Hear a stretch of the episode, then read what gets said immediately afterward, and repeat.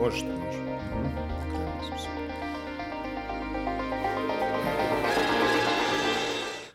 Dobar dan, dobro večer, dragi slušalci i gledalci. Ovo je podcast, e, šesta lična podcast o košarci koju možete pratiti na Mondo portalu, na YouTube-u, na Soundcloudu i u neko dogledno vreme na Google podcastu i na iTunesu. Ja sam Miloš Ivanović, a moj današnji gost je jedan odličan košarkaški komentator i jedan prosječan izvođač slobodnih bacanja Darko Plavšić. A ček, čekao si ovo jer tako ono, samo si čekao da ne, se ne, pojavi. nije, bilo je bilo je nesumnjivo da će da će doći Da do će toga. doći do toga. Sad da. ti možda vratiš da sam ja slabiji izvođač šuteva za tri poena, ali ajde, završit ćemo. Ovaj. Je- Jednom ćemo pričati o čemu se radi. Darko, dobrodošao. Bolje te našao, hvala na pozivu. E, da bacimo pogled na ove naše prvo regionalne aktualnosti, znači upravo smo završili ove jadranska polufinale, pričat ćemo uglavnom danas inače u Euroligi, ali pošto je ovo na kraju krajeva ono, više od života u današnjim danima, da se bavimo time, znači imali smo pobedu Crvene zvezde u večitom playoff derbiju i imali smo pobedu u budućnosti u drugom, drugom polufinalu. Ajde počnemo prvo od ovih naših. Kako tebi izgleda? Znači dve utakmice na ono krvi nož i onda poslednja koja baš i nije bila tako. E, Zvezda je odigrala stvarno dobru utakmicu, dobro, dobro se pripremila, ali koliko je Zvezda odigrala dobro, toliko je Partizan stvarno odigrao loše i, i veliki broj promašenih, otvorenih šuteva i nekako em, ekipa kao da nije bila dovoljno spremna za, za tu vrstu pritiska. Em, atmosfera u dvorani je takođe bila takva da i, i razvoj same utakmice je bio takav da je uticao na da atmosfera bude dobra i da, mm, da Zvezda jednostavno sve vreme malo po malo raste tokom, tokom te odlučujuće, odlučujuće utakmice. E, gledao sam veliki broj puta i Zvezdu i Partizan ove sezone i jedni i drugi su skloni oscilacijama, ali Partizan više. Partizan koji jeste značajno napredovao od dolaska Trinkjerija i doveo i određene košarkaše koji su napredili igru ekipe. Međutim, e, Partizan je stvarno nekoliko puta ove sezone potpuno nestajao, nestajao sa utakmica. E, ovo je bio derbi, pa su pokušali na sve načine da, da se vrate, ali, ali naravno Zvezda sa nekolicinom vrlo iskusnih igrača to, to ipak, e, ipak nije dozvolila. E, Milan Tomić je osporavan u poslednje vreme i, i navodi se kao, eto, koliko mogu da čitam po, po društvenim mrežama kao jedan od problema Crvene zvezde, ne bih baš rekao da, da je to tako i, i njegovo iskustvo je i tekako bilo, i tekako bilo značajno za, za treću utakmicu i iskustvo Stratosa Perperoglova koji ja odavno ne, ne pamtim da, da se za nekoga igraju vezane akcije u, u, u srpskom nekom timu. Bilo je u jednoj situaciji na 4-5 puta za redom se igralo za, za Perperoglo na niskom postu. Ja mislim da sam vidio da, da je za Simonovića bilo vezivano po dve, tri. Jel tako? E, ali ovde, ali ovo je već. ali da. ovde imaš niski post, stalno se igra za njega i jednostavno zašto to ne bi radio kad on stalno da koš. Ovaj, tako da Zvezda je na kraju zasluženo prošla dalje, ruku na srce Zvezda ipak ima i, i nešto kvalitetniji sastav što je, što je na kraju presudilo i ono što ja volim da,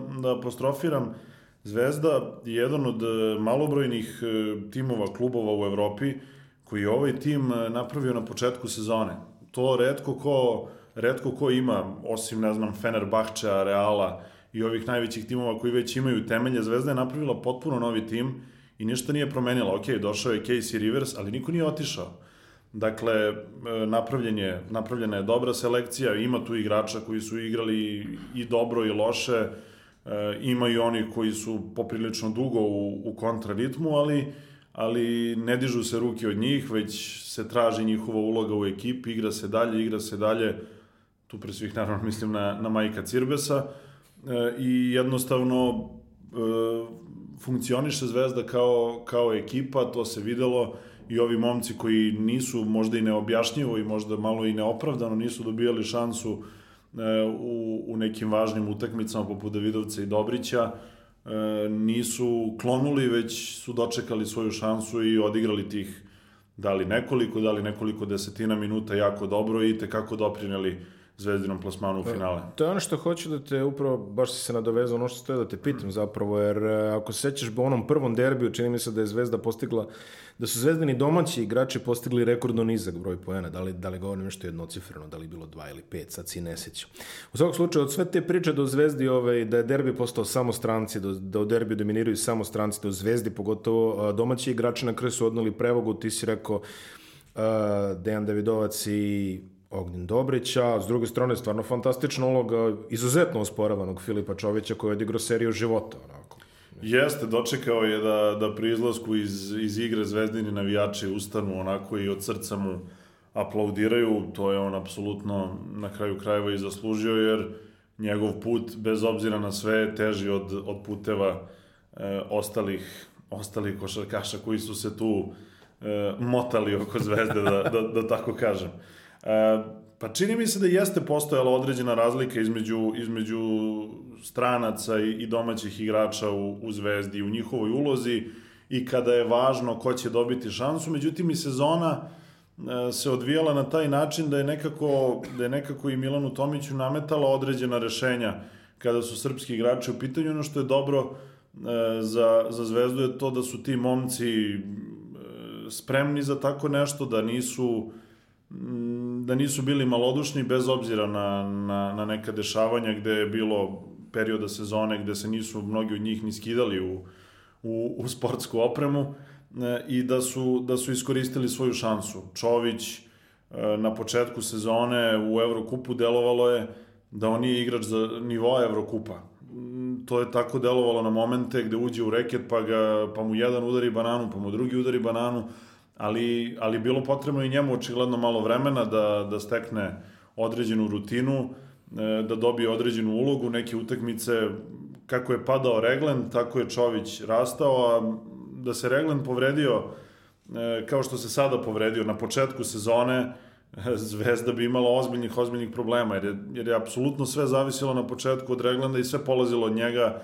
Imao je 20 pojena po 6-7 asistencija, apsolutno je pokretao uh, celu ekipu. Međutim, sada, u ovom delu sezone, naravno da je hendikep, jer je Joe Regland jedan niskusan playmaker i čovek koji može da rešava e, neizvesne završnice, zbog toga je i doveden da bude lider ekipe. E, međutim, eto, i, i bez njega Zvezda igra sasvim pristojnu košarku, a zasluge Filipa Čovića e, su poprilično velike za tako nešto. Filip Čović, mislim, neću reći ništa novo, on ima e, Znamo kako izgleda, kako moderni košarkaši izgledaju i playmakeri, znači treba da imaju duge ruke, duge noge, da bi mogli da igraju ozbiljnu odbranu, da bi, da bi mogli da doprinesu e, i u odbrani i u napadu. Fizikalije su jako bitne. E, Filip Čović e, je građen tako kako je, međutim, on, on može i tekako agresivnu odbranu da odigra, vrlo je čvrst, e, ne povlači se e, nikome i, i, i ta njegova hrabrost Iznuđuje dosta faulova na ume da iznudi, ume da iznudi faul, igra rutinski, igra stvarno rutinski, nema nema nikakav strah i svakako je je dao veliki doprinos Zvezdi u, u ovoj fazi sezone. Uh, on je navikao, ABA liga je njegova njegova teritorija, navikao je da da igra utakmice pod, i pod velikim pritiskom i, i da ga vređaju i da mu vređaju porodicu i tako dalje i tako dalje. Jednostavno, ne dešavaju se takve stvari, rekao si pre početka ili na početku ovog podcasta, ovde je stvarno borba na, na život i smrt, ne biraju se sredstva, ne, ne mislim sada Zvezda, da, da. Partizan, da. jedni i drugi se, se trude da izbace ove druge iz koloseka na, na koji god je način moguće. On je, on je bio u stanju ovoga puta da se, da se izbori sa, sa tim pritiskom i uh, i prošle, pretprošle, posebno ove sezone, on nekako jedan e, već sada pobednik u, u, u svojoj nekoj bici koju je, koju je vodio sa, sa ostatkom sveta, rekao U privatnom bih. ratu. Pa mo, moglo bi se reći i sa ostatkom sveta, jer znamo da znamo da ruku na srce zvezdini navijači ga u onom prvom mandatu uopšte nisu prihvatili i uvek je tu bilo uvek je tu bilo raznoraznih raznoraznih priča, što je na ovim prostorima valjda nekako i normalno. Ne kažem da bi trebalo da bude normalno, ali ovde je uobičajeno. On je, evo, verovatno je njemu bilo potrebno vremena da malo sazri, da se namesti takva prilika da, da on bude tu i ova sezona nekako kao da je pisan scenario baš, baš za njega, da Regland bude apsolutno glavni, da, se del, da deluje da se bez njega apsolutno ne može. I onda dođe situacija gde Reglanda nema, ali nema ni problema. Na kraju se ispostavilo da problema nema. U Mislim, drugoj... bar, da, bar da, za sada, da, vidjet ćemo Zvezdin cilje da osvoji ABA ligu Da, do, ni- do tog cilja ovde, se niko se nije ovde nije došlo. zadovoljio ulaskom u finale.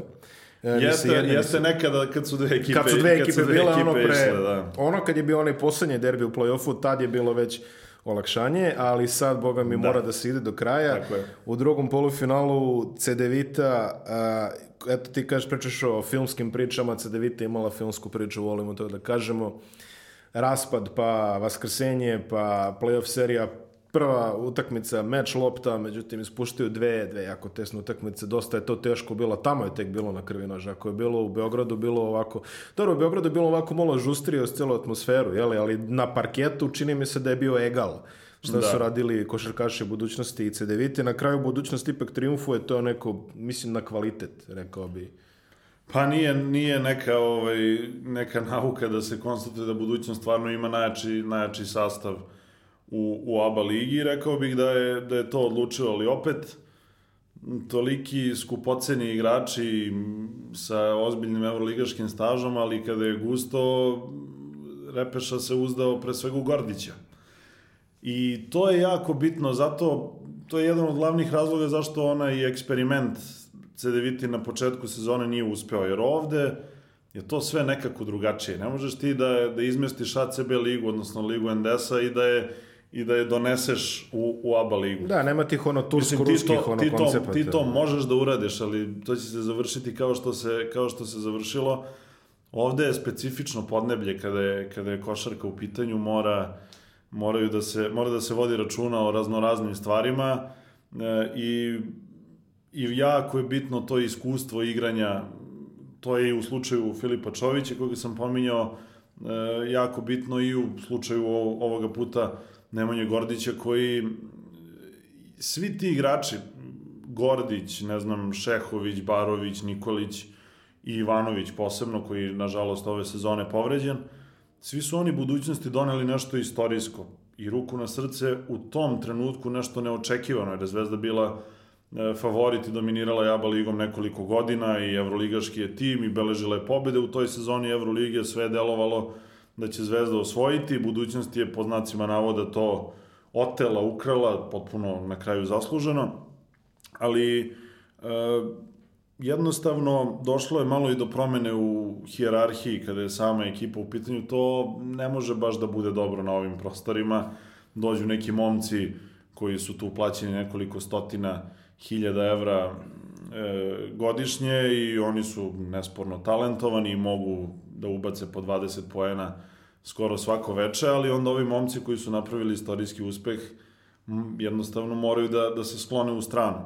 To je, čini mi se, bio problem budućnosti ove sezone, jer jednostavno bilo je jako teško uklopiti te momke koji su došli sa strane, kojima budućnost možda u glavi ni ne znači, mnogo nisu ni svesni do kraja gde igraju, e, ali na kraju, evo, Errol Clark je ušao u tu šutersku, u šutersku formu. Čini mi se da, ga je, da je Jasmin Repeša uspeo bar malo da ga ubedi da je on čovek od koliko, 2, 6, 7, 10, koliko god, da je izuzetno snažan i da bi mogao da počne to i da koristi. A ne samo da igra A ko ne samo, Garnett. a da čovjek šutira isključivo polu distancu. Ovi posljednjih Onako nekoliko- nagazi, ono sa 6.05. Pa naj, naj ne, nerentabilniji Da, šutevi u košarci. Ovaj.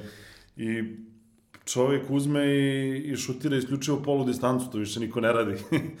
ovaj, I pr, u, poslednjih, u poslednjoj sezoni u Bešiktašu on uopšte na kraju nije ni imao neku ulogu, zato što je radio isključivo, to on je bio ubedljivo najbolji strelac Bešiktaša u jednom trenutku, a onda je potpuno sklonjen, Ufuk Saridža ga je skroz, skroz eh, sklonio jer jednostavno e, nije pogađao te šuteve, bio je mekan u odbrani i bio je manje više neupotrebljiv. Za stil igre, kako je budućnost gajila, kod, kod Džikića gde su te četvorke pravile ozbiljnu razliku i gde su možda i, i uništile zvezdu u toj, u toj finalnoj seriji uz playmakerski tandem Gordić Ivanović, bilo je logično da igrač poput Ela Clarka bude angažovan i on je dobro i počeo i onda je tu negde nestao, on je uvek u stanju da ubaci desetak 15 pojena, posebno na ABA ligaškom nivou, međutim sada je ušao malo više u kontakt, e, počeo malo da poentira iz, iz reketa i dao je dobar, dobar doprinos u prvoj i u trećoj utakmici, u drugoj je Danilo Nikolić e, igrao mnogo više. Budućnost ima stvarno mnogo opcija. E, ima igrače koji, koji su u stanju da igraju, recimo Edwin Jackson koji ove sezone ne igra ništa posebno. Već poslednjih par sezona. Da, pa i to je tačno, da, ali nekako se možda očekivalo da ako dođe u budućnost da tu bude možda glavni igrač, jer u ovim prethodnim ekipama uglavnom nije bio glavni igrač. Međutim, ja, ja nikad neću zaboraviti to čuveno svetsko prvenstvo koje je Muta Nikolić osvojio ovaj, sa, sa momcima u, u Novom Sadu. 2007. je tako. Sedma, osma, sad Da, više ne, tako nešto. Ovaj, gde je Srbija u onako jednom zanimljivom sastavu došla do, do trofeja. E, gde su za Francuze igrali i Batum i Ajansal i prvi igrač te ekipe apsolutno bio Edwin Jackson. I on je bio projektovan da bude čudo, međutim, on je ostvario dobru karijeru, ne, ne brinem ja za njega, što se kaže. Pa ne, neće ogladneti. Da, ali, ali ovaj, nije napravio to što se, što se od njega očekivalo. U svakom slučaju, on, počeo sam priču o njemu, on nije nešto igrao ove godine, jer od njega se pre svega očekuje da on pogađa one svoje serije trojki, mm. gde je sahranio koga, CSKA ili Baskoniju u onoj jednoj utakmici gde im je ubacio 6-7 trojke, ali to je manje više bilo to. Međutim, vidi se njegov pristup stvarno dobar, da igra dobru odbranu, da se trudi i i sa te strane je on zaslužio da i dalje ima veliku, veliku minutažu. I sad budućnost stvarno kada se pogleda pokrivena na svim pozicijama i, i svi ti momci sve znaju da rade manje više, ali nije to dovoljno dobra timska košarka, tu bi Zvezda trebalo da, da zaista bude u prednosti. E, budućnost je i menjala igrački kadar. Evo ovaj poslednje poprilično. pojačanje čovjek im ne igra uopšte. Ne igra, ne, ostaje na kraju nejasno što je Williams, doveden. da, Williams. da, da, mislim, on je najbolji, bio najbolji skakač turskog prvenstva i nekoj drugoj ekipi bio on i tekako značajan. Dobro, ajde da uzmemo malo sa rezervom te brojke iz turskog prvenstva. To... Ja imao sam, imam prilike da prenosim ovaj, Tursku ligu, pa juče Sakarija izgubio od FSA B, ne znam koliko je na kraju bilo, 50 razlike, ovaj, ali deš, dešavaju se takve stvari u Turskoj da se ekipe jednostavno raspadnu, nemaju, ne, neće gazda više daje pare ili se promeni gazda ili se promeni lo, lokalna samouprava, A da, da, da. da, da tako kažem. Nije Turska mnogo različita od nas Da, da, aspektima. da, da, da. Ali De, dešava se to, ali sad nevezano za to, budućnost, meni deluje da oni ove godine su imali budžet da, da dovedu i Nanda de Koloa, ako on želi da dođe u, u Podgoricu. Da. Ovaj, tako da pare nisu bile očigledno problem. E, napravljena je po imenima stvarno kvalitetna ekipa, e, ali kontinuiteta nekog u, u igrama baš, baš i nema, mada budućnost je svoje najbolje utakmice ove sezone igrala u Euroligi, ali ja nekako, ajde da ne budem skroz obuzet tim balkanskim načinom razmišljanja, ali činjenica je da je i tim momcima mnogo veći motiv da, da igraju protiv CSKA, protiv Baskonije, nego u ABA ligi, tu oni to misle da će da odrade. I bilo je odrađivanja, bilo je i rutinskih pobjeda, bilo je mučenja gde realno je 30 razlike. Naravno, ovo će sada biti motiv na, na maksimalnom nivou protiv, protiv Zvezde, ali domaći teren u ovoj situaciji igra jako, jako bitnu ulogu. Ja ću biti ovaj, eh, obojen u ovom momentu, pa ću da kažem u momentu dok vi slušate ovaj podcast, ja se nadam da je već 1-0 za zvezdu i tako dalje, ali ok, svakako puno sreće jednima i drugima. Biće jedno jako interesantno finale i opet da se vratimo na ono, finale će se igrati u ritmu finala. Znači, Da, i to je jako i dobro. to je jako dobro. Ova košarka na nedelju dana čini mi se da nikoga nije previše usrećen. Nije, mogu samo da zamislim kako se igrači osjećaju koji odigraju, ne znam, jedan derbi. Pa onda i lađenje. I onda nedelju dana Dobro, čekaš, čekaš, Partizan je malo se. profitirao od toga konkretno, mislim, iskoristili su to na najbolji mogući način, produžili su seriju Novice Veličković uspio Da, se oporavi, da. ali ok, svakako i njima svaka čast i to treba umeti da se iz onakvog uh, emotivnog naboja vratiš i da ga opet digneš. Jeste, jeste. Ovo je bukvalno... Nije te, težak zadatak i za trenere, mada opet i onda i treneri imaju više vremena za pripremu utakmica i tako dalje i tako dalje. Ali nekako mislim da je ključna, da su ključne ove prve dve utakmice u, u finalu, ako Zvezda tu bude, bude stabilna, mislim, za mene je Zvezda favorit u toj finalnoj seriji, iako u budućnosti ima, ima kvalitetnije igrače, odnosno više zvučnih igrača, da, da se preciznije izrazim. Ako Zvezda bude sačuvala prednost domaćeg terena u te prve dve utakmice, mislim meni da bi to bilo da to. je, Meni se čini da je Zvezda rešila mnogo svojih problema u ovoj trećoj utakmici.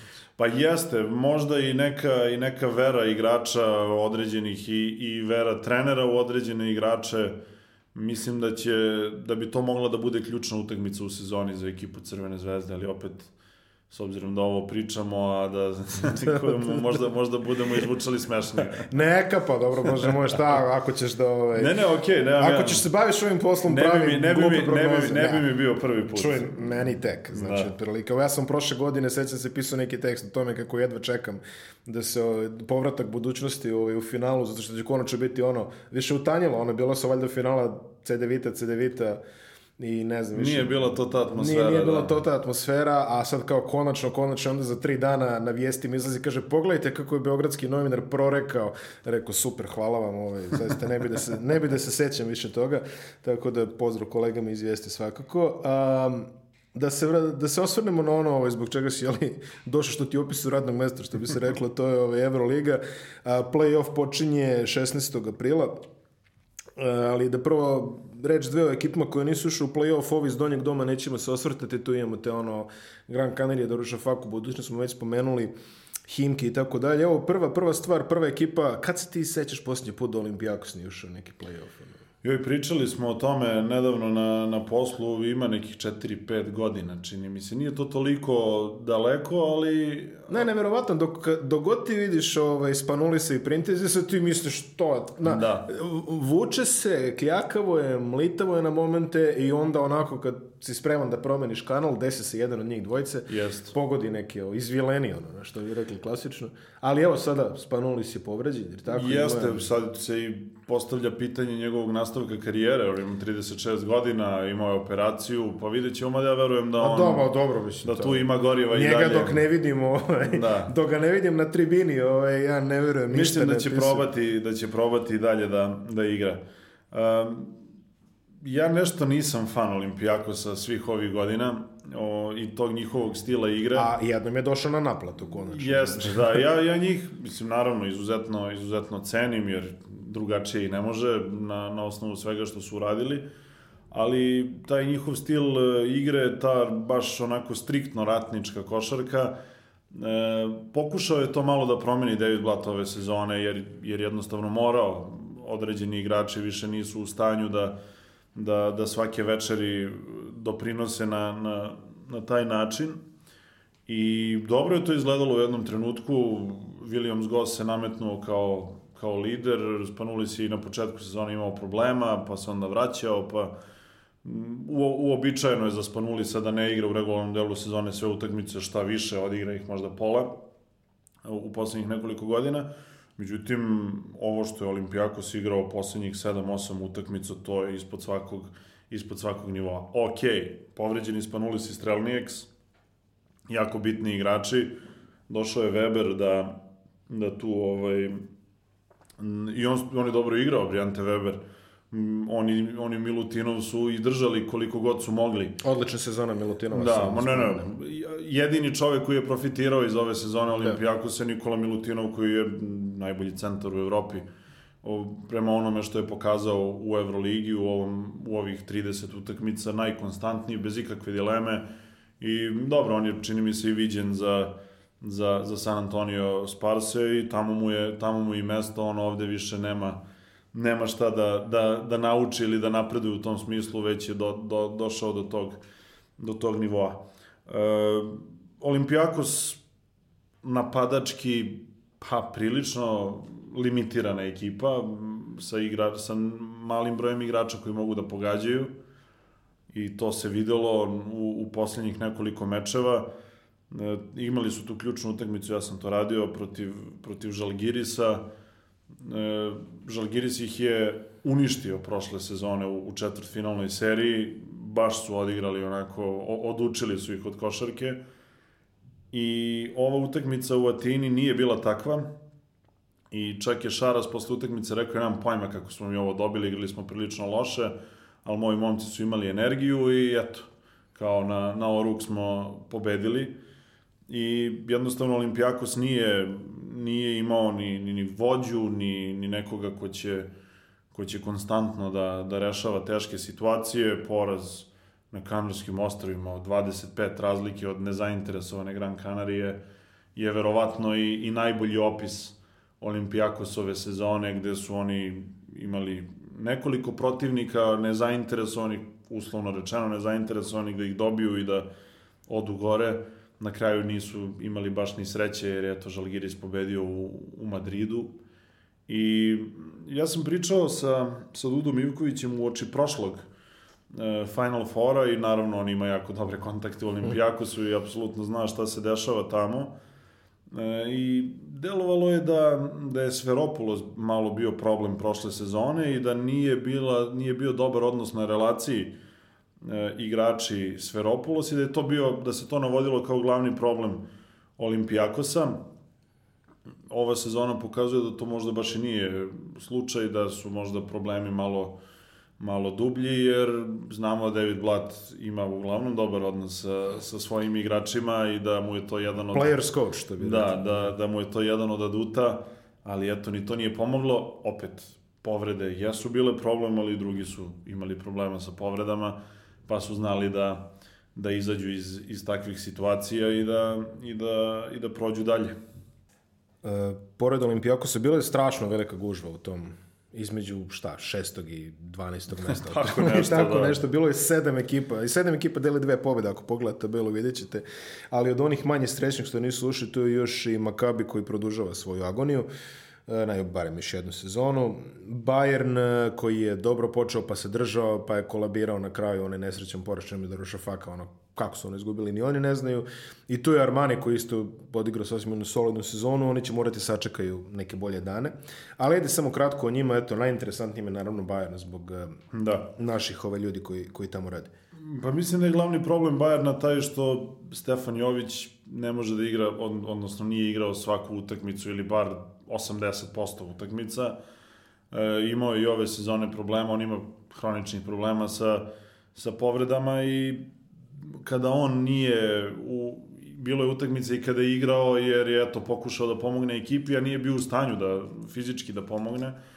I on je stvarno organizator igre u pravom smislu reči kada je, kada je Bayern u pitanju. Maodolo je potpuno drugi tip uh, playmakera, momak koji pre svega gleda da, da poentira, sasvim solidan igrač, ali, ali u smislu razigravanja ekipe to je malo problematično i drugi problem Bajerna je što su u ovoj završnoj fazi sezone igrali jako lošu odbranu što je nekarakteristično za, za ekipe Dejana Radonjića. Ali on imao, kažem, i oni su imali problema sa povredama. E, Buker, koji je jako važan igrač, je propustio nekih desetak utakmica. E, Williams, koji je igrao fenomenalno u prvih 15-20 utakmica, i on je isto malo pao pred kraj.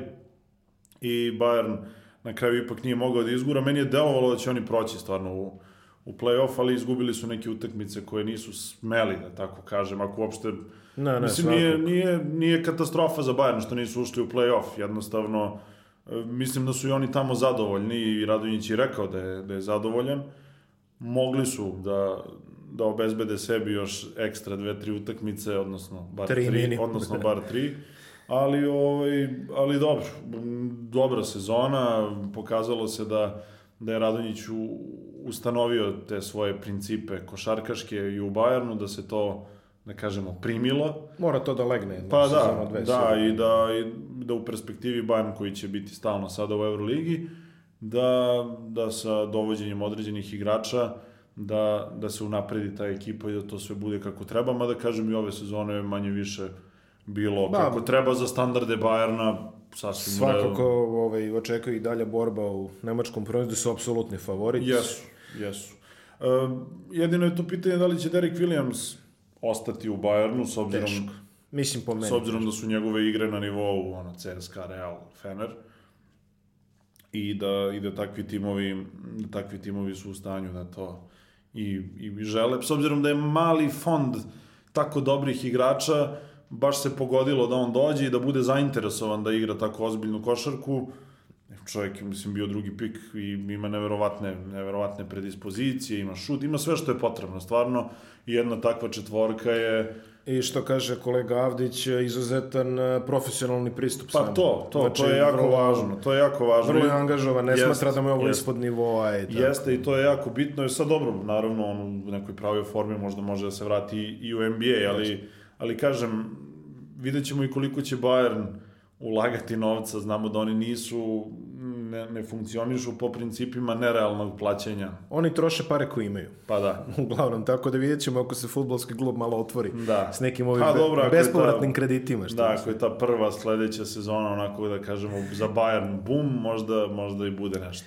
Jasno, imamo bivše višestruke evropske šampione iz Milana i Tel Aviva, kojima takođe... Dobro, Milan, ja mislim, bolji utisak realno. je Pa jeste, bilo je, ako ništa, zabavno gledati ih, ali, on, ali onaj nivo neigranja odbrane Ne, ne, naravno. je naravno. zaista nemogući. Sad, tu je jako veliki problem bila povreda Gudaitisa. Stvarno, mm, on, pa za mene uz Milutinova, najbolji centar, ono što je pokazivao u, posebno u napadačkom smislu, ajde on defanzivno tu i tamo, ali, ali napadački apsolutno je dominirao. E, Trzuski je potpuno drugi tip centra, mada i on imao problema sa povredom, došao je Omić koji se apsolutno ne uklapa u tu ekipu, jer oni igraju toliko brzo, on dok dođe, dok, dok se okrene, Da, da, da. dok udari blok, dok napravi faul u napadu, prilikom postavljanja tog bloka i kažem, nije, nije kompatibilan baš Da, sa, da, da, sa da. ostatkom ekipe. Uh, dobro je to izgledalo na početku sezona, ali oni su dobili veliki broj utakmica jednu loptu. I, I onda su bili gore sve vreme, jer je Mike James ubacivao neke ono, ludačke Prvi šuteve. strelac Euroligi da. ove godine, čini mi se. I neko ko je ispalio najviše lopti i stvarno sve, ima, sve ingerencije imao, ali i povrede. Jer Mike James i Nedović su dovedeni da oni tu budu neki Splash Brothers ili nešto tog tipa. Ovaj, ali možda ne u smislu šuta, nego u smislu kao tih liderskih ovaj, sposobnosti, da oni vuku ekipu Nedović je opet propustio veliki broj utakmica, kasnije se vratio, nije to baš to, naneli fenomenalno povećanje, zaista odmah se uklopio, odmah igrao dobro, I znali su oni, ne znam, odu u Madrid i ubace 55 pojena za polovreme, Mike James ubaci 17 pojena u prvoj četvrtini i onda dođe drugo polovreme, Real se malo spusti u stav i nadoknade tih 15-20 razlike za 5 minuta, Čas jer, posle. jer ovi ne brane ništa, a kad prestanu da ubacuju, doviđenja. Tako da, eto, bilo, bilo je zabavno Da, gled, da. gledati Armani, mislim da je to najbolja definicija svega. Šta smo rekli, Makabi? Makabi, da. Pa Makabi opet turbulentna sezona, ali Sero- Seropoulos je uspeo da, Jest. da očvrsne ekipu, da igraju odbranu. Oni imaju zaista fizički najsnažniju tu unutrašnju liniju, verovatno sa Obrantom i, i Tarikom Blackom, oni su baš onako impozantni kada, kada, kada su unutra, ali Uh, I njih je se hranio Žalgiris na kraju. Taj poraz u, u Tel Avivu gde su vodili dvocifreno e, nisu pokazali tu vrstu konstantnosti i da je, da je Scottie Wilbekin imao pola one sezone iz Darušafake, mm, to, da. bi, to, bi bilo, to bi bila druga priča, ali on, on je povredio i prst šuterske ruke.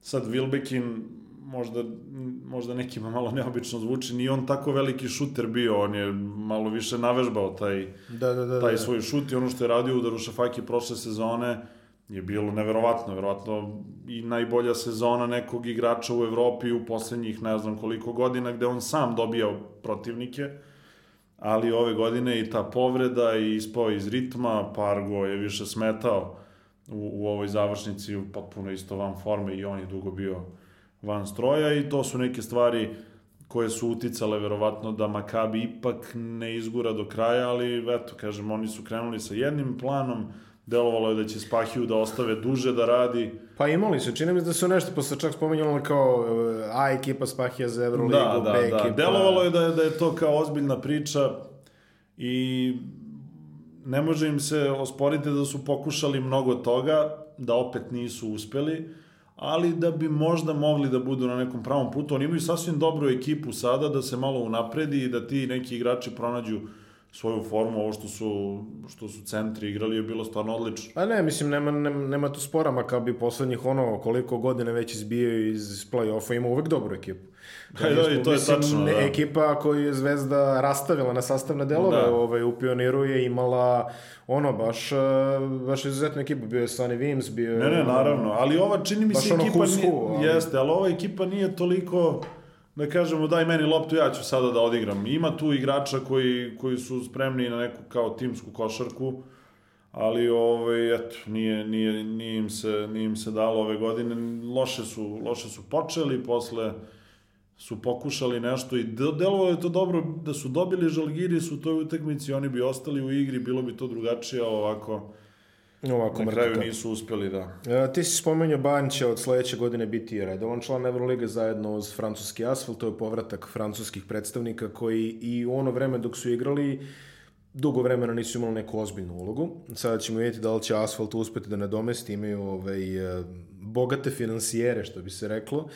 Da vidjet ćemo kako će oni ekipu sklopiti, ali je jedna od ekipa koja će igrati, u stvari sad ne znam ako pravila beše Valencija ako pobedi, jer može da igra ili Valencija će igrati ako pobedi. igraće ako pobedi. Znam da su naglasile neke ove blage promene, ali Pa da, ali neće uticati na osvajača Eurokupa. neće ući na sveče Evrokupa. Imamo final Evrokupa koji je u toku, Valencija protiv Albe, Valencija vodi 1-0. A, u, u momentu dok vi slušate igra se druga utakmica Možda- već možda- možda su već možda podigli bude i dva, pehar, da. možda su već podigli pehar u Valenciji sve znamo manje više ovaj, to je ekipa koja je stabilna koja radi jer imaju skoro već ono, godinama se osniju na manje više iste ili slične igrače Dubljević, fantastičan Var Rosom koji isto jako dobro igra a, sad imaju mali problem s po... Aj, svaki sezon imaju problem s povredama realno. I to, i Da to, ne, I to ne mali. i to ne mali, ali imali baksuznije ekipe od Valencije. Pa verovatno nema, ali taj sistem koji oni imaju i 12-13 igrača gde svako može nešto da, da odradi, ovaj, nekako im pomaže da, da opstanu i da... I dosta, da dosta, to, jak, dosta jak lokalni identitet. To jeste tačno, da. da. Ono što su oni, kada su, kada su osvojili titulu, kada su pretukli ekipu Reala u, Da. toj, u toj finalnoj seriji, je baš to. Onako, ajmo sada da vidimo e, nismo mi loši od njih, sada ćemo mi to da odigramo i stvarno... interesantna anegdota o Valenciji, ovaj, kada je Dejan Radonjić e, otišao iz Zvezde i bio bez posla nekoliko meseci, onda sam, jednom prilikom sam pričao s njime i on kaže, ovaj, bila je, kaže, ponuda od Valencije, ali morao sam da je odbijem, kao, zašto? Išao bi ja, kaže, morao sam da je, kaže, zašto? Pa kaže, ne znam španski. Pa rekao, dobro, kad je to nekom... Ne, ne, kaže, preduslov da radiš u Valenciji kao trener moraš znaš španski. Zašto? Pa kaže, vlasnici, ove, vlasnička struktura, ljudi koji, su, ljudi koji vode Valenciju su neki, kaže, stariji ljudi, oni vole svakog dana, kaže, da ti sedneš njima na kafu, da probistrite vi to malo i ovaj, da pričate o tome, ja Pa to je, nisam mogao, da. tako da, ovaj, eto, to je preduslov što kažemo, jak lokalni karakter ekipe, dobro se drže, u dobroj su prilici u pol poziciji su, ovaj, s druge strane, šta može Alba da ponudi koji stvarno igra jedno napadački jako interesantnu košarku, mnogo su brzi i sve ako im krene, što kažeš, što si ti rekao pre, Da. pre početka, ako uđeš u njihov ritam melju, baš melju. Mnogo je teško igrati protiv Albe, stvarno jedna onako atipična ekipa, sad uglavnom se i po Evropi, u NBA-u naravno, igra se ta brza košarka i sve to, ali Alba je to podigla na još jedan, Alba je, na još jedan viši, Alba brži je nivo. spustila u šestu. je neverovatno, stvarno. Da, imaju atletski onako vrlo, vrlo spremne igrače. Imali su taj problem da je Peyton Siva bio povređen, sada je Peno povređen, ali Siva se vratio i nik, nikakva, nikakve posledice nije ostavila ta povreda na njega, odmah je počeo da, da igra dobro. Uh, u stanju su da, da pogode veliki broj trojki, ekipa se ubedljivo najviše asis, asistencija u, u Evrokupu, ono, uvek imaju preko 20 asistencija po utakmici, što je baš onako fascinantno. To je za Euroligaški nivo festival. Jeste, jeste. I sad ne znam, ljudi koji su gledali posebno navijači Partizana, Partizan Alba, oni misle kakva Alba, ono nije ličila ni na šta u pioniru i nije ličila ni na šta. Međutim, e, oni su ušli kasnije u, u jako dobru formu, to što je Ito napravio, ta njegova ideja e, funkcioniše, oni u Nemačkoj ligi igraju te utakmice sa ono, 102-97 i i oni su ekipa koja ne može možda baš svakoga da pobedi, ali stvarno je neprijatan protivnik. Uh, ja sam radio utakmicu prvu protiv, uh, protiv Unikahe kad su igrali u Berlinu, prvo polovreme, 20 razlike za Albu, trčanje, trojke, ma katastrofa. Onda Unikaha koja i sama igra u principu brzo, malo su ih spustili, uveli u, u sporiji ritam i, i dobili utakmicu na kraju. To, to se, kod njih tih 20 razlike, to se pravi. To je relativna stvar. Da, da, relativna stvar. Na kraju je Matijas Lesoro ovaj doneo pobedu za kucavanjem. A, za promenu, da. Da. O, i zato sam, za, morao sam to... Ovaj, pa, da, to kakvi to ćemo spominjati još 20 godina, ali dobro, okej, okay, da. ali, ovaj, ali su na kraju pobedili u, pobedili su u Malagi i posle posle odradili posao u Berlinu i potpuno zasluženo ušli u, ušli u veliko finale. Sad Valencija je stvarno kompletnija ekipa od njih i Valencija je, je ekipa koja može na, na više načina da igra i to za Albu može da bude problem jer Alba uglavnom može da igra na taj svoj način. Međutim, e, međutim o, sam ulazak u finale za, za Albu koja je tamo 2007. 8. posljednji put napravila neki takav približno takav rezultat u Evropi je već sada dovoljno dobro. I mislim da smo se lepo ogradili ove, ove analizom u slučaju da bude... Znači, može, sad, može, može jedno i drugo. Može da. jedno i drugo, sve smo lepo dokačili. bi samo ovo da kažem, iza cele tog avangardnog koncepta spomenuo Ito Garcia Reneses, čovjek koji ima 73 godine, čini da. mi se puni ove sezone. Da. Tako da eto, ove, bez starca nema udarca, lepo se adaptirao na ova moderna vremena, ali on je uvek bio avangardni trener ruku na srce. I sad možemo da se vratimo do Euroligi kada smo spomenuli te koji će učestvovati do godine. Četvrtfinale su pred nama, znači 16. igraju Fenerbahče i Žalgiris i CSKA i Baskonija, znači to je prvi protiv 8. drugi protiv 7. 17. igraju Real protiv Panathinaikos i Efes protiv Barcelone, 3, 6, 4, 5 parovi. Da krenemo od ovih 16, znači imamo ono, ko što sam rekao u prethodnim emisijama, nebo je plavo, trava je zelena, Fenerbahče je prvi, CSKA je drugi, Real je treći, nekako su uvijek to posljednje godine uglavnom ide tako nekako, ali ajde kažemo šta može Žalgiris protiv Fenerbahče?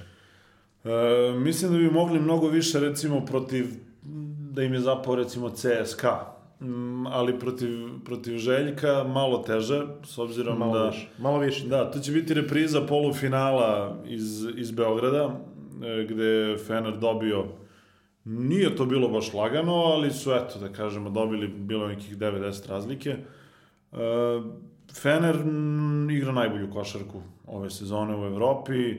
E, znamo da Željko Obradović e, malo kalkuliše sa, sa formom svoje ekipe da ona bude najbolja u ovom trenutku od, od, od trenutka ovog razgovora pa nadalje. ovaj, a međutim, e, međutim, ove godine jednostavno on ima gotovu ekipu koju je već sastavio ranije. To, sastavio je pre četiri godine. Pa to, unapređena je dolaskom Lovernja, ok, Lovernja je sada povređen i nije bilo razloga da oni ne pobeđuju sve redom. Da. Jer jednostavno tako treba i jednostavno posjeduju kvalitet da to rade. Poslednjih 10 godina Evrolige, mislim, uopšte je generalno trend da ekipe koje su tako sistemski postavljene, pa da, pre ili kasnije počne da pobeđuju. Pritom, po, pritom posjeduju naravno kvalitet, određeni igrači su još malo i napredovali, Sluka se nametnuo kao, kao lider. Evo, Bobby Dixon produžio ugovor. Bobby Dixon koji igra opet jako dobro, pogađa Ali produžio ugovor na dve godine, on je već u zamašnju. Pa dobro, njima on znači pre svega, mislim, znači za znači, Euroligu, posebno kako, posle da. Povrede, ali ali za Tursku ligu pasoš je to. A, pa ovaj, da, to da, je, domaći igrač. Domaći igrač, znaš šta to znači tamo, s obzirom da smeš petoricu stranaca da, da koristiš u, u ligi. Ajde, Fener i nema toliki problem sa tim. Efes ima, oni od, moraju uvek četvorica da sede na, da. na tribinama.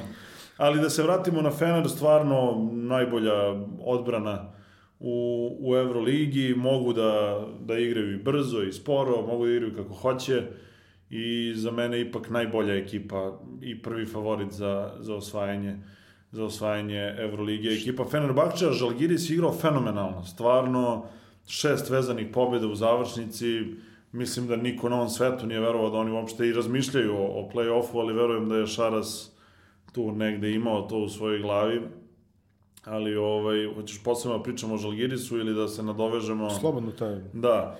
Žalgiris je fenomen stvarno sa, sa Jasikevičiusom, promenjena je ekipa, otišli su neki igrači i delovalo je da eto kao sad je promašio sa dovođenjem nekih drugih igrača, pa zato Žalgiris nije na tom nivou. Mm, teško je to napraviti odmah da funkcioniše i što je još veći problem, mnogi od tih igrača su bili dugo povređeni. I, ili nije bilo Westermana ili nije bilo Voltersa koji se odmah nametnuo kao dobro rešenje. Dešavalo se da, mislim, čak ni jedan ni drugi ne igraju. Uh, I nisu oni jedini, Ankunas je propustio baš veliki broj utakmica, on ni u ovoj seriji pobeda nije igrao. Uh, Kavalija Uskas, koga ljudi ovde ni, do, ni doživljavaju nešto ozbiljno, ali jako bitan igrač za tu ekipu, jer je drugačiji. Kako posle onog polufinala da ga da, doživljavaju da. ozbiljno, ubi nas čovjek. I, I on jednostavno kao drugačiji tip centra u odnosu na, na Davisa, kada uđe vrlo iskusan, ima dobru polu distancu, ima dobar pregled, dobar je asistent, vrlo iskusan centar i on, i on je dugo bio povređen i svi su oni bili e, povređeni, to mora da utiče na ekipu poput Žalgirisa, to bi uticalo i na, ne znam, CSKA, ne na Žalgiris koji ipak nema toliku količinu kvalitetnih igrača. Onda su se svi skupili i e, igrali su, to je krenulo od Gran Canaria, sećam se te utakmice, gde su, gde to onako bila utakmica gde su to verovatno mnogi doživljavali, eto igraju dve ekipe, ono, za popravljanje skora, čisto, eto. Međutim, meni je, ja sam na toj utakmici primetio da je kod njih pristup toliko ozbiljan da za njih sezona nikako u Euroligi nije završena i da bi tu moglo nešto da se desi. Nisam baš očekivao da će uđu u play-off, trebalo im i malo sreće. Malo više. Da se poklope i ostali rezultati, međutim, onda su krenuli da melju. Oni su ušli u play-off pobedama u Tel Avivu, u dvorani Mira i prijateljstva i u Madridu. Dakle, malo je teže gostovanje od ta tri. Ok, malo sreće da Real igra poslednje kolo onako... Dobro, da, da, poslednje kolo Real su svi odigrali. Da, ali, ali ovaj, oni su došli u tu situaciju da, da, da imaju mogućnost da, da to urade, da, da pobeđuju. Bilo je utakmice koji nisu odigrali tako dobro, ali, ali oni imaju sistem koji funkcioniše, ratnička ekipa i na kraju uz silnu želju e, isplatilo se? Pa, možda mogu uzmu jednu, a? Pa ne bih rekao da mogu i jednu. Kažem, oni stvarno, njihova košarka je onako kao što Bog zapoveda. Znači, sve se tu radi kako treba. Da nema tu mnogo iskakanja, kad se iskače iz sistema, onda Šaras zove time out i, I, e, i poželiš da nisi iskočio. I poželiš da, poželiš da nisi iskočio iz sistema. A i ako pogodiš ove, da. takođe. Mislim, evidentni uticaj je Željko Obradovića jeste, na jeste. razvojni put i Jeste, ali, ali, eto, da kažemo, ne bih poredio Fener i, i Žalgiris, ali ipak je onako Fener Ma ne. Za, za, dva, za dva, tri stepenika iznad toga što Šaras može da donese sa svojom ekipom, jer jednostavno Željko Bradović ima kvalitetnije igrače i jer, jer jednostavno Željko Bradović tačka. Jer, jer Željko Bradović tačka i i ima igrače koji su tu. Mislim, ta jasno, ekipa jasno. je tu. Ništa se nije desilo u odnosu na prošlu sezonu. U drugom paru koji će se takođe odigrati 16. imamo CSKA i Baskoniju. E, CSKA sada drugi, Baskonija imali su svojih problema, ali oni imaju veliki motiv jer su domaćin, međutim, dug je put do tog domaćinstva i vodi Znamo kroz... kako je to izgledalo prošle sezone, vodi... kad se pričalo o tome kao da, da, da domaćin mora da igra da, na da, Final kako ne, da, da, eto, međutim, nažalost, ovaj, našo veliko domaćin nije ni došao, mislim, jeste fizički je došao blizu, da. ovaj, nekih ono, 5 km preko mosta što je bilo, ali uh, ovaj put, put do Final Fora vodi kroz Moskvu i nije naivno. CSKA takođe zaigra onako kako očekuješ da će igrati od ovog razgovora pa nadalje. Pa znaš šta, ja nešto ne verujem mnogo ekipi CSKA ove godine. Iako znamo da oni po defaultu igraju Final Four, da. pa da se onda tu raspadnu. Da. o, ovaj, ali nisam, jesu oni malo promenili, čini mi se da i Tudis malo spustio gas u regularnom delu sezone, pouče nekim ranijim iskustvima da se ekipa možda ne potroši previše. Međutim, meni deluje da je ovo poslednja sezona CSKA u ovakvom nekom sastavu. Već se priča da Dekolo, ne znam, ide u Real e, i značajno lošije igra ove sezone. Da li je to zbog toga ili zbog nečeg drugog? Njegove brojke su baš onako značajno, mm. značajno lošije nego, nego što smo navikli od njega, on čak više nije ni glavni igrač te ekipe, glavni igrač je Corey Higgins koji, koji igra fantastično. On i Clyburn su, su glavni igrači napadački kada je, kada je ekipa CSKA u pitanju. Mm, ni Ćaćo Rodriguez nešto baš Pa, čak, čak, čini mi se, čak čini mi se da, da više i Tudis ima poverenja u Heketa i da, da će kada bude bilo gusto više igrati Heket nego, nego Sergio Rodriguez. E sad, šta god daje, da ne kažem ja sad CSKA katastrofa, ali znamo šta je CSKA, mislim da nije to baš na onom nivou kao što je bilo ranije. Mm, to se slažem. Ovaj, ali igraće Final Four. Mislim, bolji su, bolji su od Baskonije. Uh, jer Baskonija stvarno ima, ima dosta problema ove sezone. Oni su krenuli nešto 2-6, recimo, u Euroligi i bili su baš u, u problemu, onda je opet došlo do promene trenera, kao što se to već radilo. Naravno, Perasović, evoga, tu je treći, Da, što- četvrti, što kaže- treći, četvrti put. Što ovaj. kaže Edin za određene, kaže sedi u kafiću, kaže. To je valjda rekao samo- za to je valjda rekao za Kurtinaitisa, ovaj Da, da, koji- samo za Himki, da. za Himki, da. Evo i ovo je to Pa negde, je, ono, mislim, mota se- jeste, tu je, stalno je tu, ovaj, tako da, ovaj, došao je i napravio je određene, određene stvari, svaka čast. E sad opet imaju problem. E, meni deluje da Baskonija nema baš dovoljno poena u, u rukama u, u ovakvom sastavu. Granger povređen, ajde Granger tu i tamo, ali Jennings koji je tu bio, da kažemo, prva, prvi snajper ekipe, mm, verovatno neće igrati u, u četvrtfinalnoj seriji. I sad ima tu igrača, ali Hilliard nije, nije se nametnuo sad kao neki strelac ni u, ni u Euroligi. Shevon Shields ima dobru sezonu, ali kažem, to su sve igrači koji su ovako zahvalni, mogu da odigraju dobro u odbrani, mogu i da pogode šuteve, ali sad baš proizvodnja poena na, na nekom konstantnom nivou malo teže. Vidjet ćemo u kakvom stanju će biti Šengelija, on je dugo bio povređen, sad vidim da korektno izgleda da se solidno kreće, da je to sve On je uvek X faktor neki svoj Everest. Pa ne, on je, mislim, Šengelija je tu najbolji igrač ekipe, ali, ali ovaj, naravno, ima često problema sa povredama i onda morat će mnogo da se uzdaju u njega. Vojtman ga je dobro odmenio, Vojtman onako zna da igra, pametan je, razume igru i, i pomogao je i tekako u odsustvu Šengelije, Uh, ali nekako nemaju, čini mi se, ni dovoljno, ni dovoljno neke čvrstine za, za CSKA. Uh, Marcelinho igra fenomenalnu sezonu sa svojih 35 godina, stvarno to sve dobro izgleda. On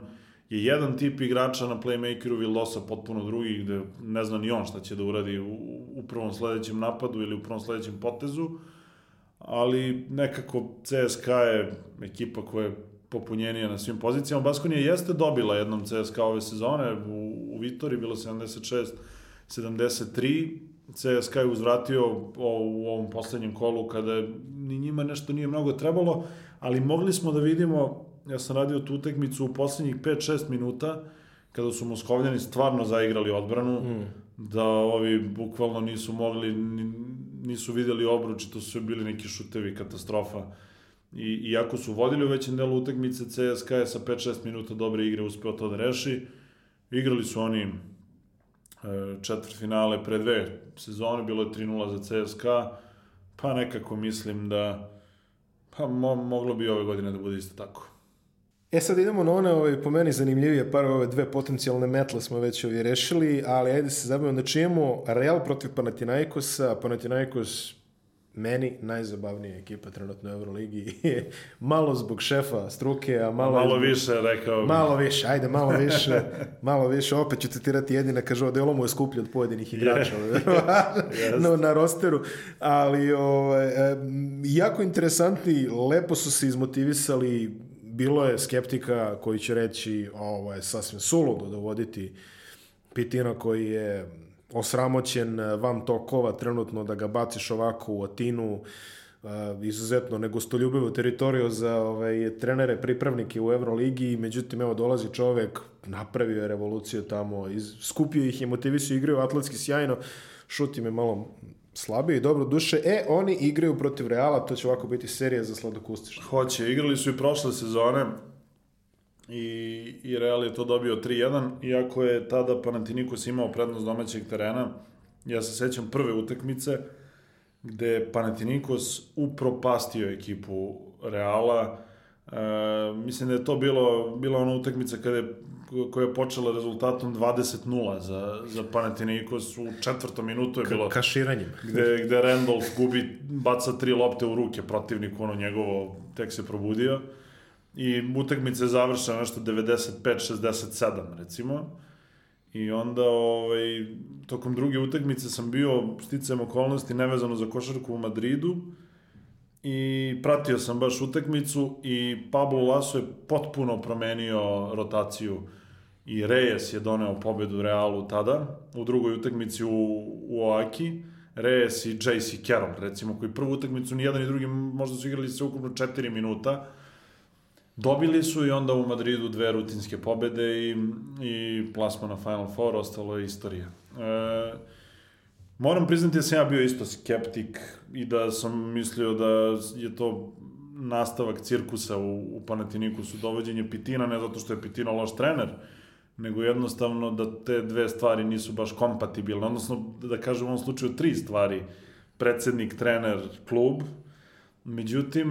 Ja moram te prekinem, ako neko zna da radi u situaciji skandala u, u kolektivu, da. to je Pitira. Očigledno, očigledno, stvarno. E, mislim da je on okupio ekipu pre svega oko te svoje harizme, ima tu neku auru, nešto koje, koje je stvarno...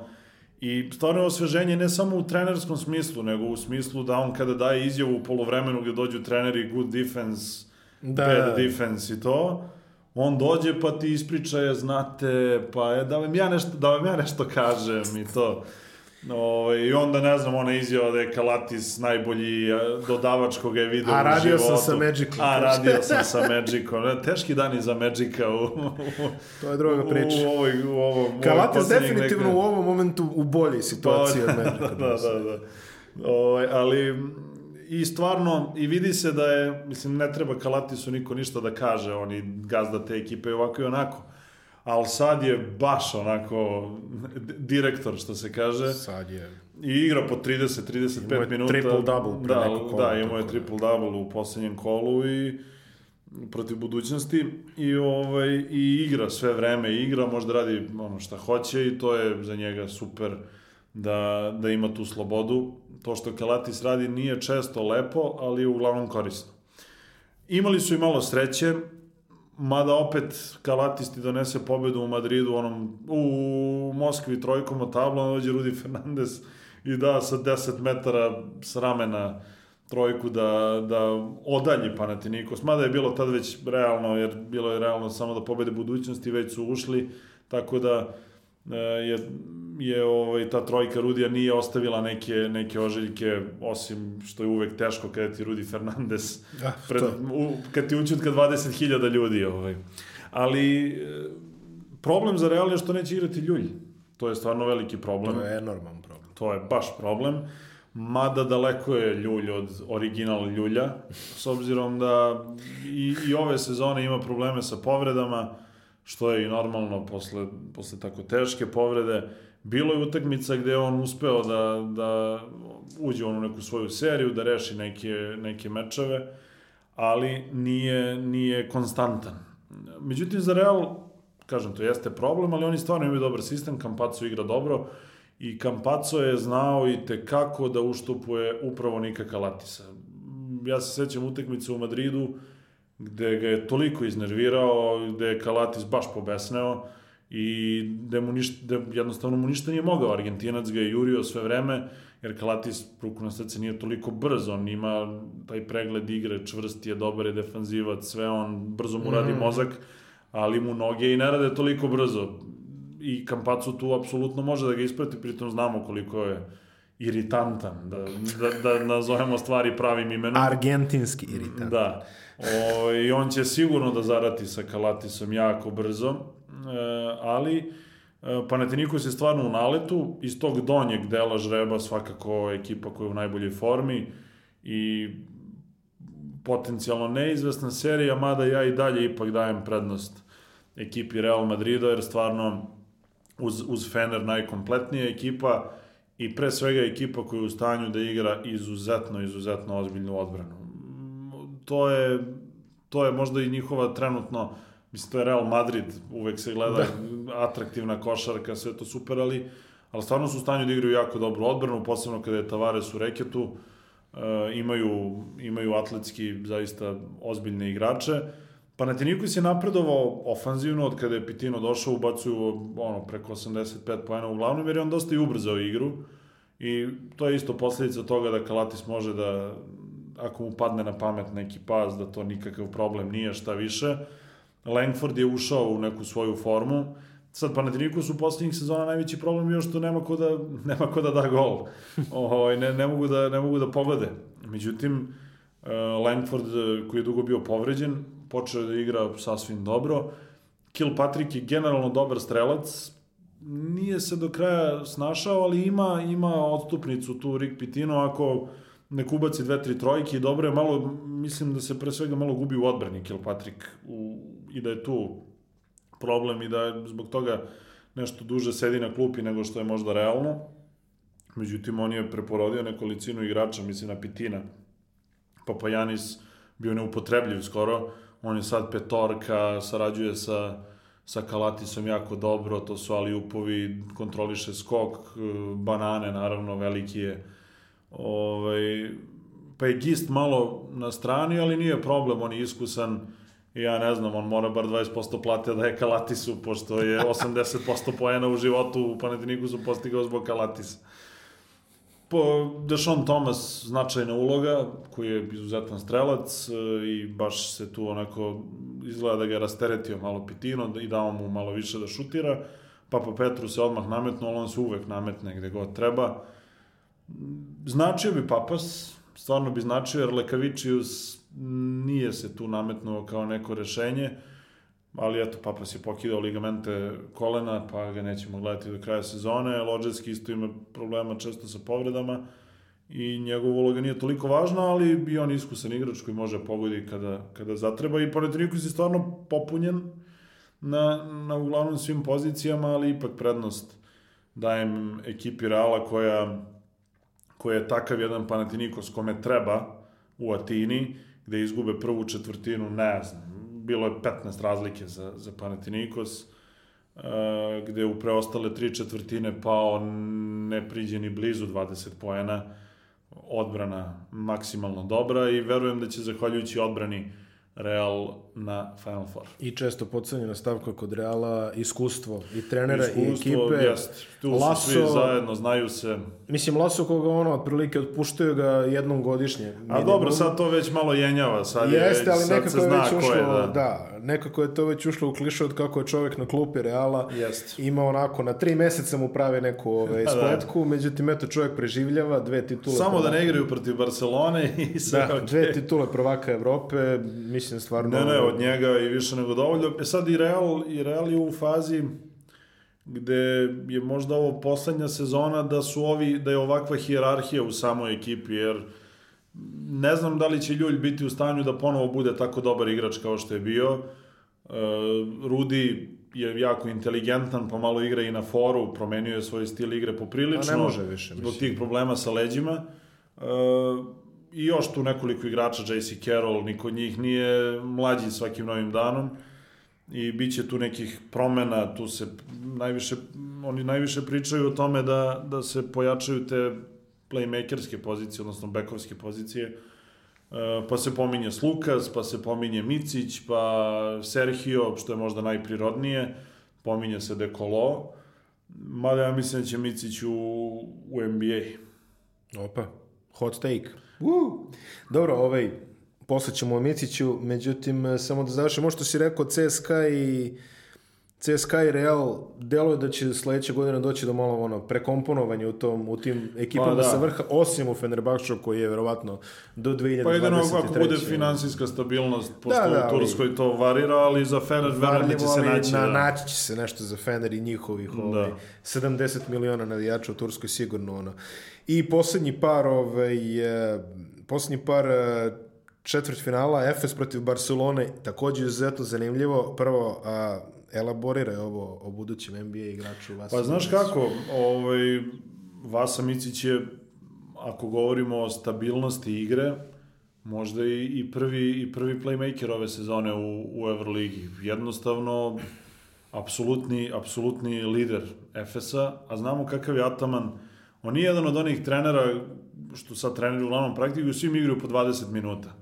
Ne, on ako vidi da je neko, Pa, da mu veruje i... Sećamo se ovaj, Sinana Gulera koji je, mislim, ono, da si mu doveo Karije i Thompsona u Da, znaš Galatasaray i taj 39 je, taj Galatasaray je dobar primer, zato što Micov je igrao 40 minuta, Da. da. McCallum je igrao 37 minuta, Dobro. Shield bi igrao 38 U minuta. nekom momentu je to bilo uslovljeno i činjenicom da se ostatak ekipe raspao i da su imali sedam Činjenica, igrača. ali su osvojili Eurocup na kraju. Jest. Ovaj, I Gulerovih, ono, Jest. 42 minuta. Ne, ne, 40. svi su, znači on je vrteo šest igrača Da, da, da, da, i to da. je to, bio je koksal da, da tuče.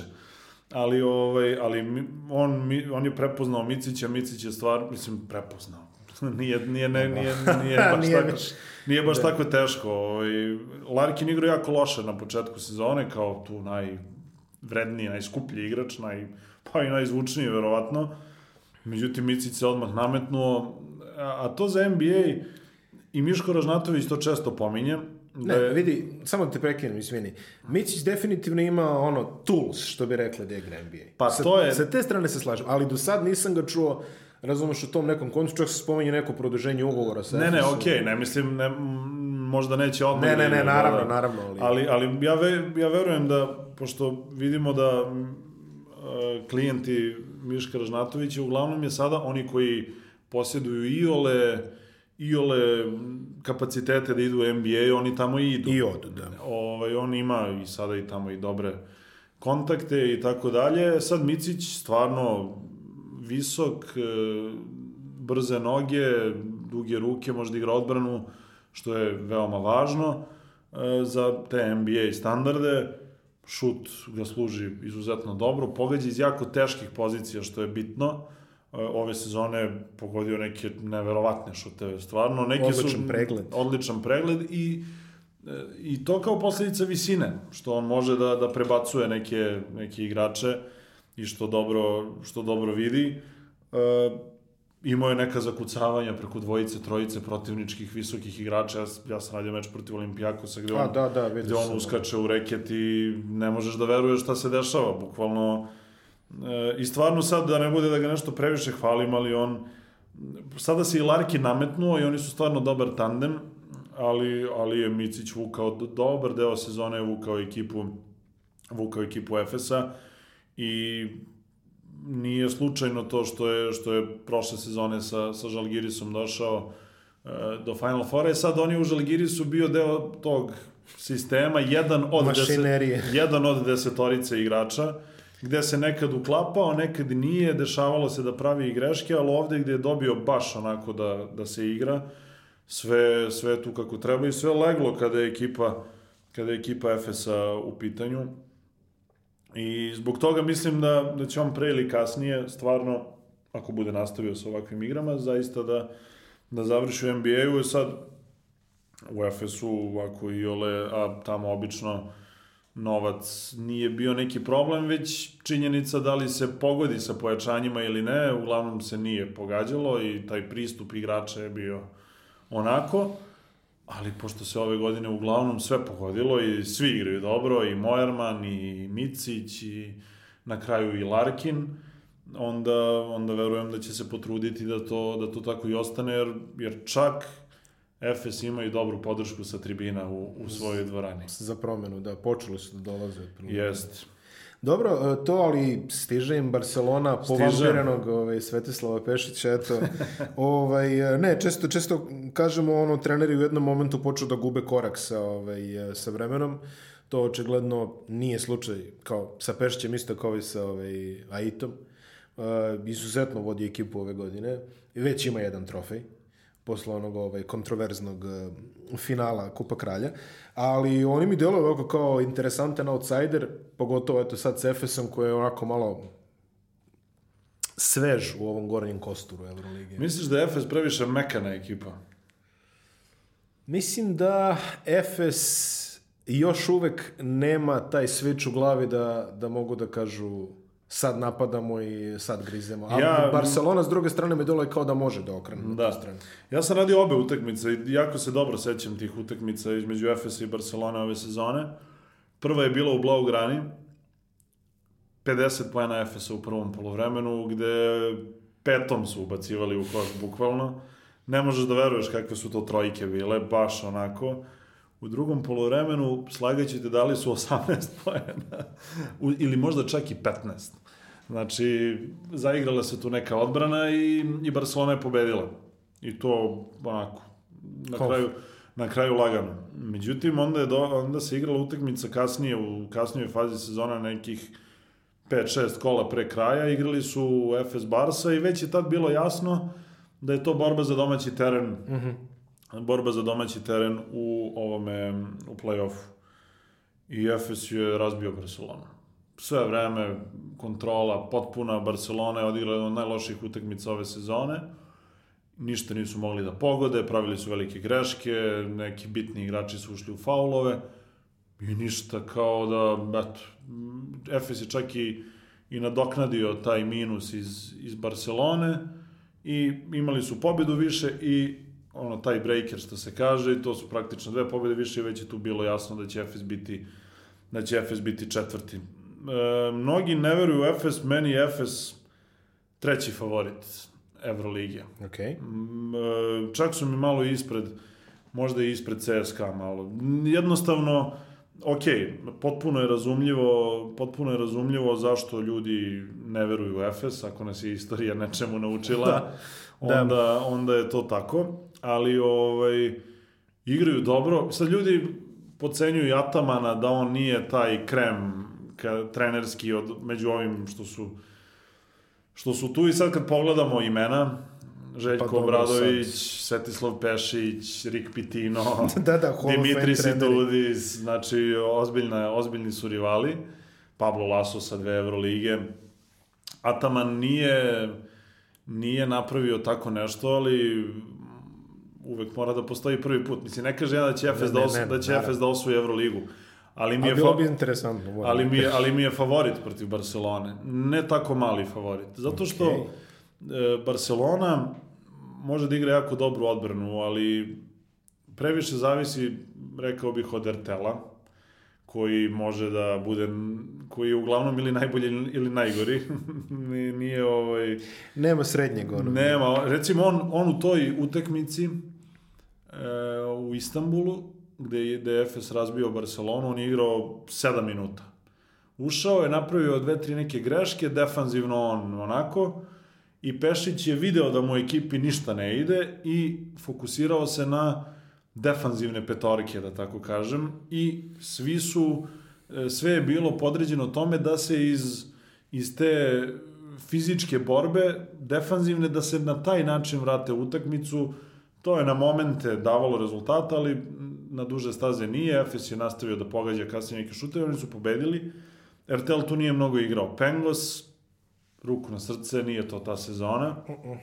O, ne može ni, niti pogađa, niti nije, nije ni u jednom trenutku pronašao svoj ritam, iako je imao i dobru minutažu i Pešić je tu pokušavao sa njim. Čak i u jednom trenutku i vidjet ćemo, verujem da će u ovoj seriji to biti slučaj, Ribas imati ulogu na playmakeru s obzirom da, da defanzivno može da doprinese bolje i od Pengosa i od, i od Ertela. Meni deluje da Barcelona e, nema dovoljno dovoljno igrača koji mogu da poentiraju. E, Kjurik ceo život je uglavnom u Evrokupu. Ovo mu je, mislim, da. ovo mu je prva evroligaška sezona daleko od toga, on je izuzetan strelac i sve to, ali mora da se kreira za njega i pitanje je da li će biti u stanju da pogađa na početku sezona bio najbolji strelac Barcelone, sada već to i nije slučaj, malo se tu i promenilo. Jeste Pešić oživeo Tomića, što je jako lepo. E, Tomić je beskrajno talentovan, ali opet nije od onih igrača u koje baš treba da se uzdate kada je gusto, s obzirom da je on ipak onako i po mentalitetu malo mirniji mirniji tip. I za mene je Efes kvalitetnija ekipa od Barcelone jednostavno. Popunjenija na, na određenim pozicijama koje su važne e, imaju igrače koji su u boljoj formi. Sad Barcelona igra dobru košarku i u stanju je pre svega da igra dobru odbranu ali, ali mislim da... U stanju jer mora, inače bi on. Pa, inače bi snosili ozbiljne... snosili bi ozbiljne snosili posledice. bi ozbiljne posledice ti igrači. Tu je, mislim, tu su bitni igrači poput Hange, da, da. da on tu defanzivno da svoj doprinos, da pretpostavljam da on recimo može da da čuva Micića, da ga, da ga malo izoluje, da ga isključi sa, sa utakmice, ali faktor Larkina je sada tu isto vrlo bitan. E opet i Efes ima neki igrače koji su van forme, recimo Boboa ne igra ništa. On, evo sad vidim da ga je malo gurnuo u turskom prvenstvu i u nekim manjim utakmicama, da mu je pustio e, Ataman da šutira i ja sam bio šokiran kada je on otišao iz Baskoni, jer sam bio razmišljao sam u, u pravcu kao, pa da, on dečko može ubaci 20 pojena uvek, međutim, on očigledno nije, kontinuitet mu jako veliki problem, nekad i voljni moment, i neke stvari su tu sada malo jasnije nego što su, što su bile. Zašto nije u NBA još pa, da. neki, tako da. Standardna da, priča. Standardna priča, da. A i daleko i James Anderson neke svoje životne forme. Daleko jedno tri on, sezone. On izgleda i onako i spor i više kilograma, deluje i da, eto, kao tu je da pogodi neki šut. On je meni stvarno bio jedan od omiljenih igrača u Euroligi kada je došao iz Filadelfija, mislim da je Filadelfija bila poslednji njegov NBA tim, ili možda Sacramento, nije ni važno. Ovaj, kada je došao, bio u kao super, James Anderson baš lepo zna da igra, dečko dobar je strelac, ali vremenom ono u Žalgirisu je dobro bilo, onda sve posle dosta lošije. Ali ima, ima Efes, Mojerman ima fenomenalnu sezonu. Vidjet ćemo, nije toliko važan igrač, ali zbog rotacije Motum se povredio bio na utakmici protiv Bešiktaša u prvenstvu, da li će biti u stanju da igra, malo je nešto koleno izvrnuo, deluje da nije toliko strašno da bi on trebalo da igra. I centarski tandem igra dobro, Dunston i, Plajs odlično se dopunjuju, različiti, da kažemo, tipovi centara, Dunston mnogo okretniji, uh, Plajs pogađa šuteve i tekako sa, sa visokog posta ume da podeli, podeli pas, jer je izuzetno visok, pa može da, da prebacuje protivničke igrače i stvarno Efes je stvarno naj, najprijatnije, najprijatnije iznenađenje. Pa dobro, znači ovo, imamo projektovane Final Four ono po, po redoslodu 1, 2, 3, 4, ajde kažemo malo veće šanse za iznenađenje u toj seriji 3, 6, 4, 5, to je Panathinaikos i Ajde, nek bude Barcelonama da vidim da si izrazito za Efes. Poštujem, pa jesam, da, jesam iz nekog razloga. Ok, ne, mislim to naravno ništa ne mora ne, da ne, znači, naravno, ali naravno, ovo, da, da. nešto, na osnovu onoga što sam gledao ove sezone, nekako Efes, bez obzira na, na sve, na taj minuli rad koji je vrlo, vrlo sporan, da. govorimo o prethodnih 10 sezona. 20. 20, okej. Okay. Ove, ali nekako deluje kao da se tu sve poklopilo i da ako sad ne odu na Final Four, da. nećemo ih gledati neko vreme. Um, samo za kraj, ono što bih volao da, da kratko očešemo od sledeće sezone, znači još dva tima. A, znači, to je još utakmica u rasporedu. A, desila se mali incident sa unijom igrača i trenera ACB ligi koji su se žalili da će im Euroliga ući u playoff termine. Znači, ima tu negodovanje, ima tu ovaj, tih stvari. Međutim, eto, po tvom mišljenju, ovaj, koliko je bliže sada Euroliga nečemu čemu oni streme, a to je evropski model NBA-a, odnosno na ono kada su prvi put zatvorili takmičenje pre tri godine? Pa ne mogu da kažem koliko su bliže, ali mogu da kažem da, da mi se to ne sviđa iz jednog prostog razloga. Ne može evropska košarka nikada da bude kao NBA, ali ne mislim samo u smislu kvaliteta, nego postojala je određena draž i onih prvih eliminacionih faza i, i nije dobro da, da svaki dan igraju Real Barcelona, jer, jer te utakmice onda malo i gube na, gube na težini. Kao u igri Real Barca, no dobro igraće za sedam dana opet, nije, nije problem. I finale ECB-a, i finale da, kupa. Da, i finale kupa i sad, znaš, i, i može mnogo i da se kalkuliše i ne, ne sad u smislu da neko nekoga pušta, nego jednostavno, ok, neku utakmicu mogu da odigram sa manje potrošnje sobstvenih igrača i meni se taj koncept ne sviđa preterano. Druga stvar, ne može Euroliga nikako da bude svakim novim danom bliža NBA-u, već čini mi se samo dalje, jer najbolji igrači I dalje iz Evrolige da. i odlaze u NBA i ovi momci koji poput Dončića, ranije smo bar imali, ne znam, privilegiju da, ne znam, sad Dražena gledaš ipak malo duže u Evropi, pa da onda on ode u NBA. A sad, čim se to namiriše, a mnogi i pre nego što, nego što čak neki ni ne zaigraju ni Euroligu, pa u ostalom najbolji evropljanin svih vremena koji se Da, upravo... koji se povukao Upravo se penzionisao Dirk Novicki. nije, nije igrao Euroligu, Pa jel? nije igrao ni prvu Nemačku Nije igrao ništa, da- ovaj, a nije jedini, nije jedini. Pa nije ovaj dečko iz Netsa sada što je ovaj... e, Kuruks. što je grizao otprilike sam kraj Barcelonine klupe ili što je... Pa da, on je, evo, Srđan i ja smo ga gledali u, u Berlinu, on je igrao finale protiv Zvezde, finale juniorske Evrolige. Mhm. Eto, sad je petorka Neca. Pa eto, ni Porzingis, ni ono, nema neki slavni... Pa ne, ne, ne, hoću da kažem, naravno. jednostavno, najbolji evropljani idu, idu u NBA.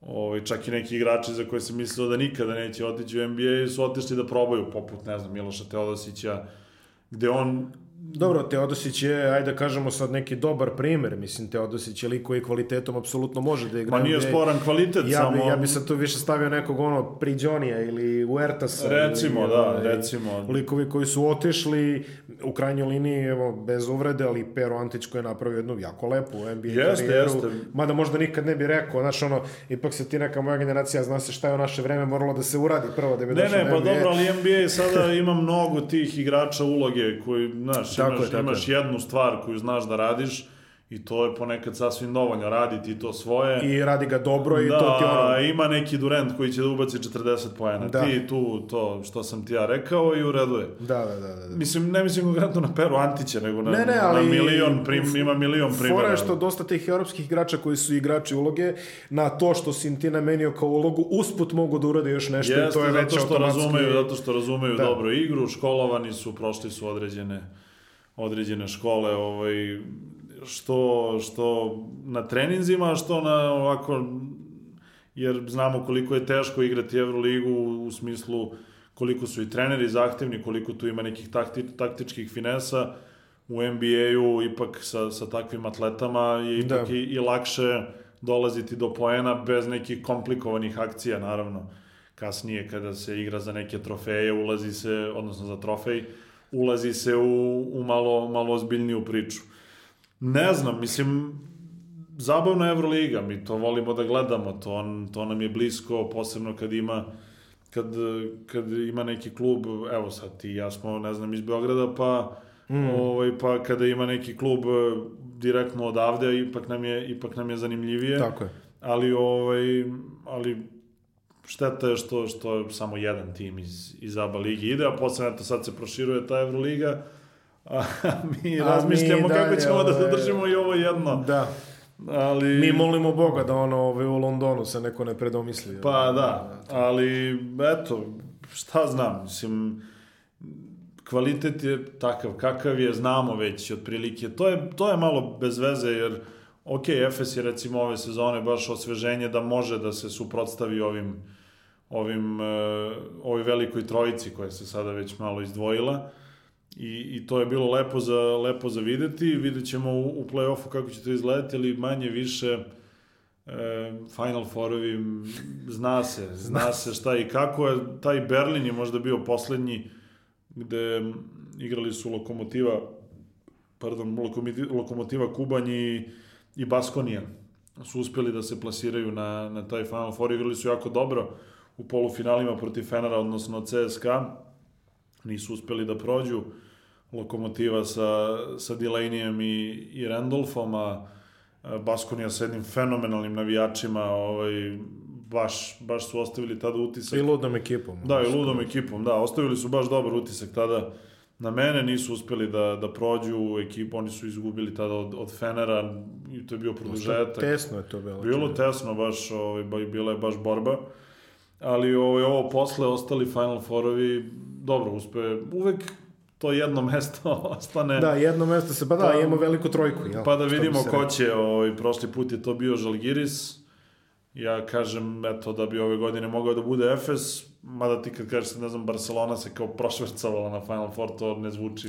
To ne zvuči zaista kao ono realno, da, ako je do, Mislim, mislim, mislim oni su... glupa izjava da se Barcelona pa švercuje negde. Da, da, Barca, Barca je mesto na, na Final Fouru, to što su oni imali problema u prethodnim godinama, to je već druga priča, ali ali deluje da će da bi mogao da bude baš onako ujednačen jedan, jedan Final Four i e, meni je Fener ipak kada se podvuče neka crta prvi favorit za za osvajanje Eurolige, ali to opet kažem ništa ne mora da znači. Da, dobro, da, u Final Four ovaj, konceptu, a još jedna stvar samo, sad kad već pričamo o tome, Duško Slavanović je baš lepo pričao o tome, ljudi, ne možemo mi da pravimo mi bez para. Mislim, realno, ovaj, dok, dok evropska košarka ne počne da dobija makar delić eh, onoga što Liga šampiona u futbolu generiše, ja mislim da ćemo ostati ovdje desno. A ja nikad neću zaboraviti, to je bilo prilično davno, jednom sam radio neki intervju sa, sa Božom Maljkovićem i da mislim, kasnije sam se uverio na milion primera, a tada sam bio prilično onako mlad novinar, pa mi je to bilo neko onako saznanje malo i za koje nisam ni, nisam ni do kraja bio svestan toga.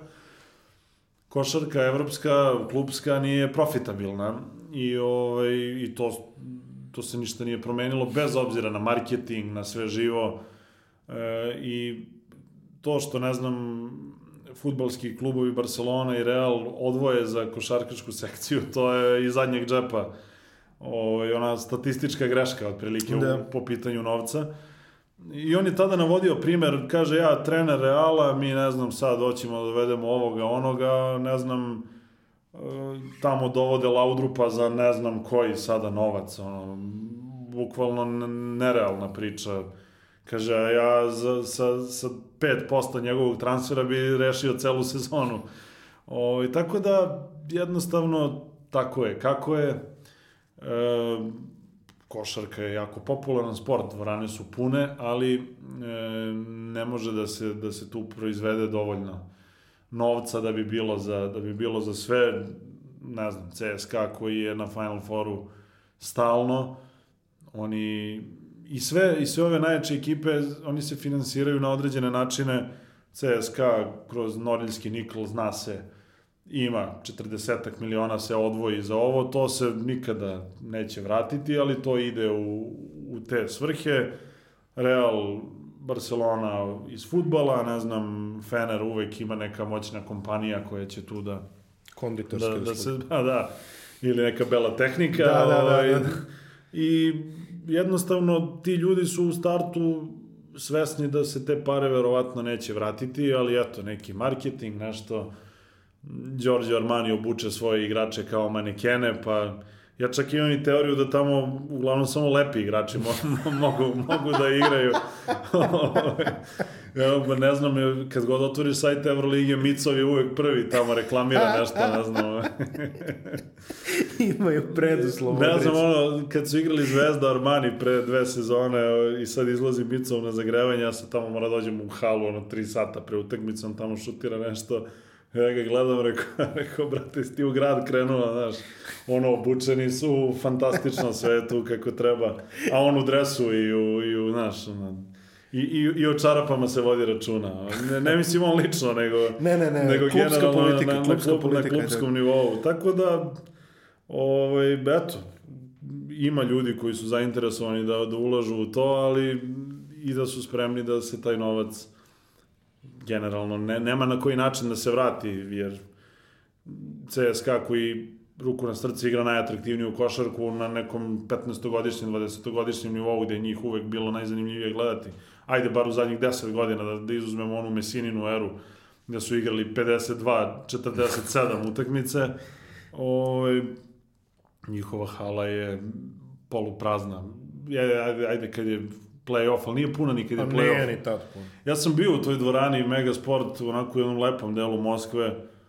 Šta znam, mislim, lepa hala. Baš bi, baš bi moglo lepo tamo da, da se sve to napravi. I oni ulažu mnogo u taj program, recimo ti kad gledaš pre početka utakmice da se ne postidi, vidi se da su se oni tu potrudili i Rusi generalno sad poklanju mnogo pažnje tome pošto taj KHL hokej je kod njih jako popularan i ta liga je na, nije baš na nivou NHL, ali nije, pa, druga najjača na ali nije daleko, da. nije daleko da. i oni, oni prave show program skoro na nivou i vidi se da da su pokupili mnogo toga iz, iz Sjedinjenih država kada je pravljenje šova u pitanju to rade i u dvorani CSK i u, po tom pitanju su oni broj 1, imaju one dole po parketu, ono, da se lomi parket i ono, kako, kako to već ide.